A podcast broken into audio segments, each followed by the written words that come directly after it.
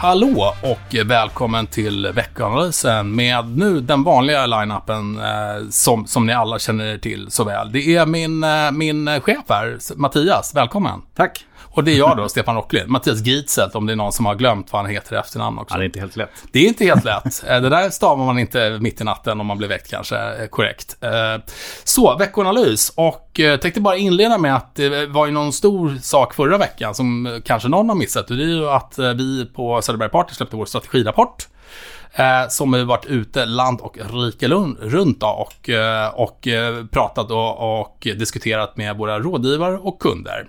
Och om vi bara ska ta en jättesnabb summering där, Mattias, så kan man väl säga att det, vi, vi absolut har full respekt för att det ser lite, lite tråkigt ut och lite trist i, i, i många dimensioner, både vad gäller finansiella marknader och eh, makrostatistik etc.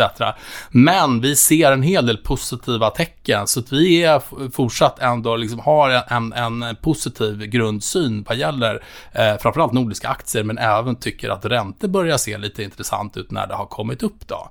Jag vet inte om du har någonting att tillägga, men det är väl liksom lite oförtjänt 38 sidor bra rapport och så, så nämner jag allting på 20 sekunder, men... Eh... Ja, men det, det är bra, du är alltid optimisten. Jag är kanske alltid lite mer Tolka försiktigt. Ja, men det, det får men du göra. Men, men... Ja. Nej, men jag håller med. Alltså, vi har ju en, ett grönt betyg som det heter på nordiska aktier. Så vi, är, vi ser faktiskt en del eh, positiva saker. Sen har vi ju precis inte länge sedan dragit ner globala aktier. Så att vi är väl kanske lite mer försiktiga på det sättet.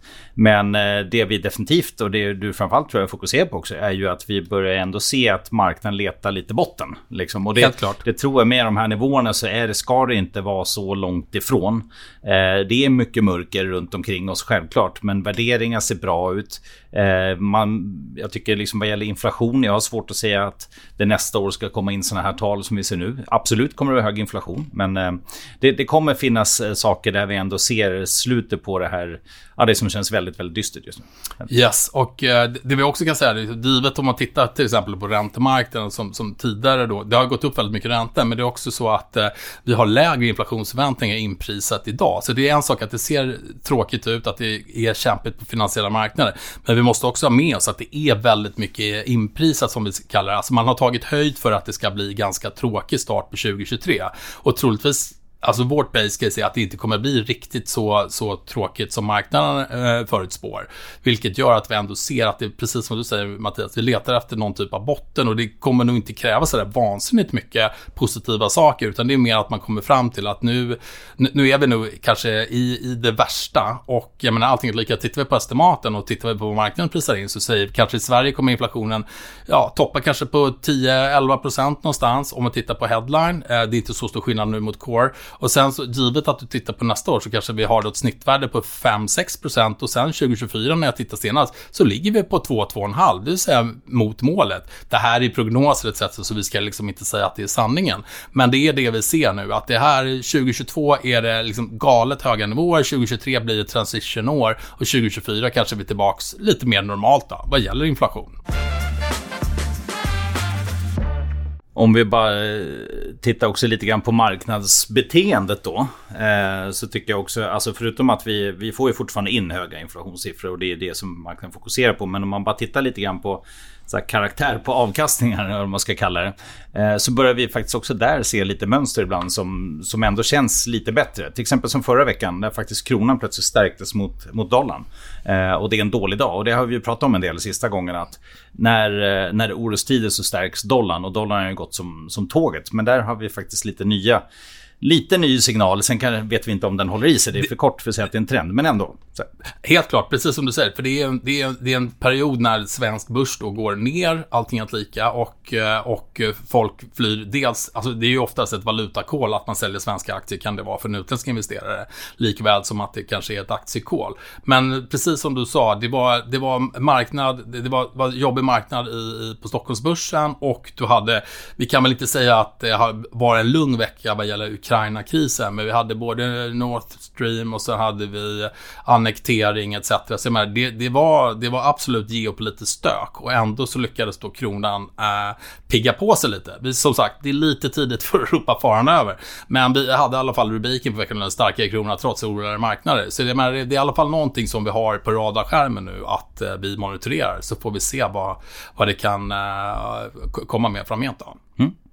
Ja, men bra. Ehm, och som sagt, eh, det var ju faktiskt så att börsen eh, i Sverige i alla fall landade på plus 1%. Det var en bra spurt där, Så att det, Fredagen ja, var stark. Faktiskt ändå se, skönt att se en positiv siffra när man summerar veckan. Det var, känns som det var ett tag sedan. Summerar vi månaden så måste vi väl vara lite krassa och säga att då är det väl eh, lite, lite, lite tråkigare. Ja, så är det. Då är det vi nere på ja, en månad är det ju i alla fall löpande månad minus 7 i svenska kronor och lokalt. Ja, och det ligger väl i paritet med väldigt många mar marknader. Om vi uttrycker oss i svenska kronor så känns det som att vi låg en handfull procent ner eh, under september. Så ja. det var väl ingen sådär månad vi behöver eh, eh, minnas forever. Utan det är väl dags att vända blad helt enkelt. Så är det lite grann. Eh, även också titta på det här temat inprisat, inte inprisat, så, så kan vi väl eh, kanske... Ja, vi hade ju att det var lite ränta ner, men det hänger väl lite, lite ihop kanske också med, med det som vi kommer till lite vad gäller makrostatistik och centralbankshändelser. Det vill säga till exempel att det hade protokoll från, från Riksbanken etc. Finns det någonting annat marknadsmässigt där innan vi, innan vi tar oss vidare, Mattias? Ja, men absolut. Eh, vi hade ju eh, en rad intressant statistik kan man säga. Och det, det som var i spetsen var ju definitivt eh, de här definitiva inköpschefsindexen. Ja, nu är det på riktigt, inte bara Exakt. Det, innan hade vi bara preliminära. Så ja. är man riktigt nördig så vill man ju se att det verkligen också landar i närheten. Men yes. det man kan säga det är ju ja, fortfarande nedgångar för både tjänste och, och tillverkningssektorn. Och det är på nivåer som egentligen är nu i linje med en, med lågkonjunktur. Men gissningsvis så ska de väl ner ännu mer på grund av energikrisen. Så trenden är ju inte rätt. Eh, tittar vi på svenska inköpschefsindex så, kom, så var ju eh, augustisiffran 50,6. Eh, borde falla än mer i, i september. Va? Uh, och nu pratar jag faktiskt om det som kommer den här veckan, inser jag precis. Uh, så att, uh, och då kan vi lika gärna fortsätta med det. Absolut. Då, då, har vi, då har vi ISM, som är amerikanska motsvarigheten. Och det har ju hållit upp bättre eh, och där ligger förväntningarna på 52,0. Eh, I augusti var det 52,8. Så att, eh, ja, lite ändå expansionsnivåer om man säger, över 50. Men, men definitivt en vikande trend också. Yes, men om vi hoppar tillbaka ja. till det som vi hade förra veckan då. Ja, så... ledsen. Men ja, nej, är man men, snabbt framåt. Det, du, är, du är på fötterna så här måndag eftermiddag. Exakt. Det är bara att fortsätta. Men tittar vi den här veckan, så, eller förra veckan då, så hade vi ju KI-barometern eh, framförallt då. Och då var det ju hushållen som sjönk eh, ner till 49,7. Eh, och tidigare var det 57,8 så ett ganska brant fall. Och det här är ju lägre siffror än vi hade faktiskt under, ja, när corona var som värst här i 2020. Och det är värre än vad vi hade under finanskrisen 2008. Så att eh, vi pratar 90-tal och eh, stor fastighetskris. Inte många som kommer ihåg. Men, men tidigt 90 vi, vi, vi pratar Bengt Dennis 500% ränta och grejer. Mm. Bara för, för er som inte var med. Det Exakt. var stök även på den tiden kan vi säga. Och det är alltså där vi ligger nu, konsumentförtroendet. Och uh, allting är lika. Jag känner inte riktigt, jag förstår att alla kommer med sin egen, e e egen vinkel in på det här med energikris. Vi har en, en, en konflikt i Europa etc. Och jag måste erkänna att jag är född 72, så jag var ju typ, gick i gymnasiet och sådär, så jag kanske inte var helt, eh, eh, helt drabbad av fast Men då kände jag att då var det nattsvart. Och riktigt så svart, det är hemskt att säga, tycker inte jag att det känns idag. Så jag, någonstans känns det som att det, vi är väldigt deppiga. Eh, det, det, det, är svårt att komma ifrån. Men eh, jag ska inte sitta och jämföra olika grader av helvete här, Mattias. Men eh, det är helt klart att konsumenter har tagit ut rejält mycket elände. Det, mm. det, kan man väl konstatera. Och fortfarande, Mattias, har vi det här gapet då mellan vad för, företagen kommer också ner här i KI-barometern. Men det är fortfarande ett väldigt stort gap mellan vad företag tycker och vad Verkligen. konsumenter tycker. Och det gapet är ju inte, det vet vi, his, historiken har vi ganska tydligt framför oss. Att det är ett gap som inte är liksom hållbart att ha. Så det ska ju slutas. Frågan är liksom vilken, ja, vill, ja. var, de ska mötas någonstans. Och man kan ju lägga till att båda faller ju. Så, att yes, alltså, så, så som det är just nu så är det väl ja, kanske mer rimligt att, att gissa att företagen också blir lite mer deppiga. Men det kanske inte ska ner så här långt. Men i övrigt då förra veckan, vad hade vi då? Jo, Riksbankens protokoll eh, från när de höjde räntan med hela 100 punkter. Yes. Eh, vad sa de där? Ganska enigt egentligen. Det var det. Får man ta också att det är lite politik här, så kanske även om man hade haft lite debatt så brukar det ofta stå att det är relativt enigt, även om någon till och från då självklart reserverar sig. Men det, det verkade vara ett enigt beslut. Uh, och och eh, jag vet att Ingves var ute och var väldigt, väldigt hökaktig som vi brukar kalla alltså vill fortsätta då på, på höjningar. Men det är inte så himla mycket mer om man tittar vad Riksbanken säger. Vi kommer ju nu upp då väldigt hastigt och lustigt från 0,75 till 1,75 i styrränta. Och någonstans 2,5-2,75 är där vad Riksbanken har indikerat. Och då får vi återigen ta det där, det är en sak vad, vad centralbanken säger och vad vi ser framför oss i pipen och så en annan sak vad, eh, vad marknaden prisar in. För ett tag då, för kanske kan det vara tre veckor sedan, så låg vi och hade nästan 100 punkter mer. Vi låg alltså, marknaden förväntade sig att styrräntan skulle toppa ut någonstans på, på 3,75. Och det har då efter senaste veckorna med då vissa positiva tecken kanske vad gäller inflation etc.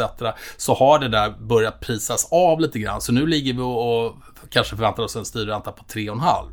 Fortfarande betydligt högre än vad, eh, vad Riksbanken säger. Och jag skulle säga att vår vi är nog någonstans mellan vad marknaden ligger och, och vad, vad, Riksbanken själva säger. Så att vi tror fortfarande att det kan finnas positiva eh, impulser från marknadsbesättningen. Det vill säga att vi kommer faktiskt att, eh, att ta tillbaks lite och känna att vi kanske blev lite, lite väl aggressiva när vi eh, ja, funderade lite på hur mycket centralbanken ska faktiskt höja. Mm. Så det är på marginalen ändå, tycker vi, ser positivt ut. Att det är på den nivån nu, att vi börjar liksom och det här är ju indikation på att marknaden kanske försöker hitta den här lilla end level, att någonstans, var någonstans ska vi sluta? För vi vet ju det också Mattias, om man ett, två år fram i tiden tittar både FEB, ECB och på Riksbanken, så är det ju diskussioner att då är ju frågan att vi ska börja titta på lite sänkningar igen. Mm. Det är lite svårt att, att, ta till sig nu när vi är mitt inne i höjningscykeln så att säga, men det är ju där vi, där vi är då. Så um, men du, när vi pratar så mycket centralbanker. Ja, ja det, som är så fantastiskt mycket. roligt. Då, då, vill jag ju snabbt hoppa över. Har vi någonting egentligen som är lite, lite vad gäller aktier? Är det inte väldigt tunt hela tiden med aktier? Jag så uppfattar det. det som att det även den här veckan kanske inte kommer så mycket. Och förra veckan hade vi ju eh, Hennes Maurits Eh, dålig rapport. Eh, ja, egentligen lite som befarat om man bara tar en enkel analys. Yes. Det är ju inte marknad för dem just nu. Nej. Och så hade vi Nike också som, eh, som kom med rapport. Va? Och Nike eh. var inte heller någon klang och jubel va? Det var... Eh, och det är väl någonting som vi har lyft några gånger och vi har ju det som ett av de av delarna i det caset att vi tror att det värsta vad gäller inflationen är över. Det vill säga att det vi har haft sett i vissa sektorer en stor lageruppbyggnad. Eh, och det har gjort att man än så länge som bolag har lyckats både försvara sina marginaler trots eh, kostnadstryck och även öka dem. Det är därför vi ser att vinstestimaten har ju varit väldigt, väldigt positiva 2022 och faktiskt börjat komma upp igen jämfört med vad vi trodde kanske när vi var halvvägs genom året. Och, eh, men där såg vi då att eh, Nike är tvingade att börja eh, slicea marginaler och alltså sänka priserna för att bli av med, med, med, med det de sitter på på lager. Och det är ju någonting som är ett, dåligt kanske då om man ska sitta och titta på vinstestimaten för företag generellt, men, men det är ju någonting som då är positivt, för då är det, betyder det att det är mindre andel av, av kostnadsökningen som förs vidare till konsument. Det vill säga positivt för inflationen. Då. Och sen har vi ju självklart också lite mer eh, makro även den här veckan. Eh, det eh. kanske kommer makro. Det har visat sig att det är bra bett att ha. Mm. Eh, nej men så är det och det, det pratar vi om. Eh, vi, eh, vi kommer framförallt få inköpschefsindex och, och så. Eh, och vi kommer, det vi inte nämnde nämligen, som jag tänkte är viktigt att komplettera med, är ju den här sysselsättningssiffran.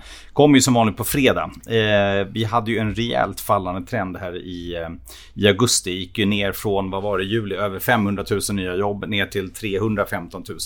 Eh, den här gången är det väntat 250 000. Så att här har vi en definitivt vikande trend. och Eh, lite grann på grund av också tryck på arbetsmarknaden så, så lär ju det också bidra till att inflationen kanske inte ska eh, ja, stiga ännu mer.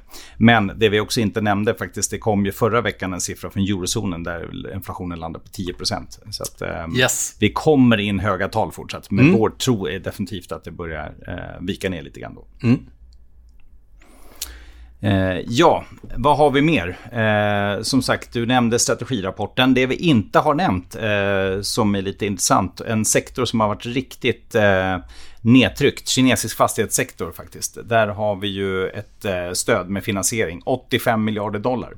Eh, kortsiktigt har det i alla fall hjälpt sektorn på börsen. Eh, så får vi se om det faktiskt också i riktig realekonomi lyfter. För det är just nu så är det många ekonomer som drar ner sina prognoser för kinesiska marknaden just på grund av, av fastighetssektorn. Då. Så att det tycker jag är en, en viktig en viktig del. Ja, så det vi ser bara, så man sätter lite på det. Vi är ju vana att Kina kanske växer 6-7% realt per år. Och de senaste vi fick från IMF var ju mm. någonstans 4,5. Och mm. det är ju siffror som är några månader gamla. Så att jag menar, det är nog mer realistiskt att kanske landa någonstans 3-3,5. Det har vi inte sett på länge. Det har vi inte sett på länge. Det är fortfarande i en europeisk kontext fantastiskt fina siffror. Men ja. i en kinesisk kontext så kanske det är hälften av vad man kanske har förväntat sig. Och då kan man ju säga historiskt så är alltid när tillväxten faller under mål och så vidare så har man alltid stimulerat. Yes. Eh, och det är väl det vi ser nu helt enkelt. Eh, och där det behövs som mest. Så att det kan vi nog eh, se mer av, den typen av, eh, av stimulanser från, från kinesiskt håll. Ja, Eh, annars som du säger, det känns som att vi är lite så här precis i det här mellan Q2 och Q3. För det är som förra veckan var ganska tunn. Eh, vi hade H&M Nike som bra. Veckan som kommer känns också väldigt tung. Och eh, om jag inte missminner mig så är det lite stängt i Kina också, eh, början på veckan. Så att eh, det, det, det är lite, lite tunnare. Så är det. Eh, det är bara några mindre bolag egentligen. Eh, Skistar kommer rapport imorgon tisdag. Vi har i Danmark Bang Olsen Eh, industrivärlden, ja det är ingen, ingen direkt rapport att behöva titta på så. Så att det är extremt tunt, men om några veckor drar det väl igång. Det, det känns som att vi är väl eh, precis, mm. precis här när det ska börja dras igång igen. Då, då. Mm. Så då, då har vi äh, saker att prata om tror jag, vecka ut och vecka in Mattias. Verkligen. Äh, någonting annat som du känner du vill avrunda med? Ja, alltså jag bara försökte titta på lite. Vi brukar ju prata ibland vilka sektorer som går bra, vilka man ska rekommendera och så vidare. Det pratade om förra gången. Jag kollade på lite sådana trender globalt faktiskt allmänt. Vi, det är ju lite ganska tydligt att det är, eh, har varit mer value som har gått bra och growth har liksom eh, gått dåligt om man tittar under året. Men faktiskt senare tid så har det också blivit en liten ändring där. Så globalt tillväxtbolag, de har faktiskt börjat komma tillbaka lite relativt value. Eh, och sen också om man tittar, eh, vissa saker är självklara. Energi är tydlig vinnare, hälsovård absolut. Eh, att kommunikation, media och sånt är dåligt, ja det är också självklart. Men försökte titta på några fler såna här faktorer motsvarande value growth som, som är en sån. Så till exempel stora bolag jämfört med små bolag. Så har ju stora bolag gått bättre än småbolag fram till årsskiftet. Sen har det faktiskt gått ganska sidledes. Ehm, och det, det kanske inte känns så typisk kris heller. Men, ehm, men ändå intressant eh, att det inte är en tydligare trend där just nu. Eh, och en annan sak som jag också fastnade för lite grann är att räntekänsligt, eh, då brukar man inkludera liksom banker framförallt, har ju globalt sett inte gått särskilt bra. Och det eh, bruk, eller jag tänker i Sverige har väl bankerna gått hyfsat bra eh, i tanke med att räntor stiger upp när räntenettorna förbättras och så vidare. Men globalt sett har det inte varit så, så ganska intressant också tycker jag. Eh, och min slutsats i alla fall, eh, till exempel small cap, absolut, så om man kan fynda någonting där. Eh, finns en del saker som är bra värderade, eh, det kan man titta på.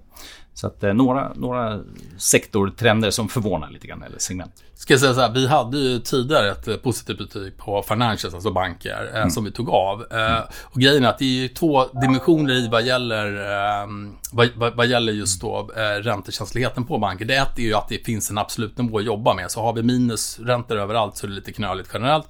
Men sen så är det ju också en annan sak Mattias, och det är att vi har någon kurvlutning. Och som det är just nu när vi är i den här ränte, eh, räntehöjningsdelen, så att säga. Där, där vi befinner oss kanske i slutfasen, kanske var att ta i. Men alltså i alla fall way past eh, mittpunkten så är det så att vi har väldigt eh, platta räntekurvor. Så en tvååring, en femåring, en tioåring. Nu tar jag väldigt så här mellan tummen och pekfingret. Är det liknande nivåer om man tittar i USA och Sverige till exempel. Att det är ungefär samma sak. Och är det någonting så är två år, femmor kanske lite högre upp än vad tian är. Så att menar, ränta på typ 3-4% i USA är bättre än noll för en bank. Men de tycker också om att ha en liten lutning, att de kan jobba eh, på, med sin balansräkning och ha olika löptider på olika nivåer. Och den har ju försvunnit lite grann här. Den är ju självklart, när vi ska börja prisa in sänkningar så kommer den igen. Yep. Och förhoppningsvis så har vi då kvar en långände som är i alla fall någon räntepunkt eller så, inte som vi haft tidigare då, att inte någonting. Så det är väl någonstans det vi har sett nu under 2022, är väl att vi har haft en normalisering och att nu räntenivån är inte bara en jättestor, eh,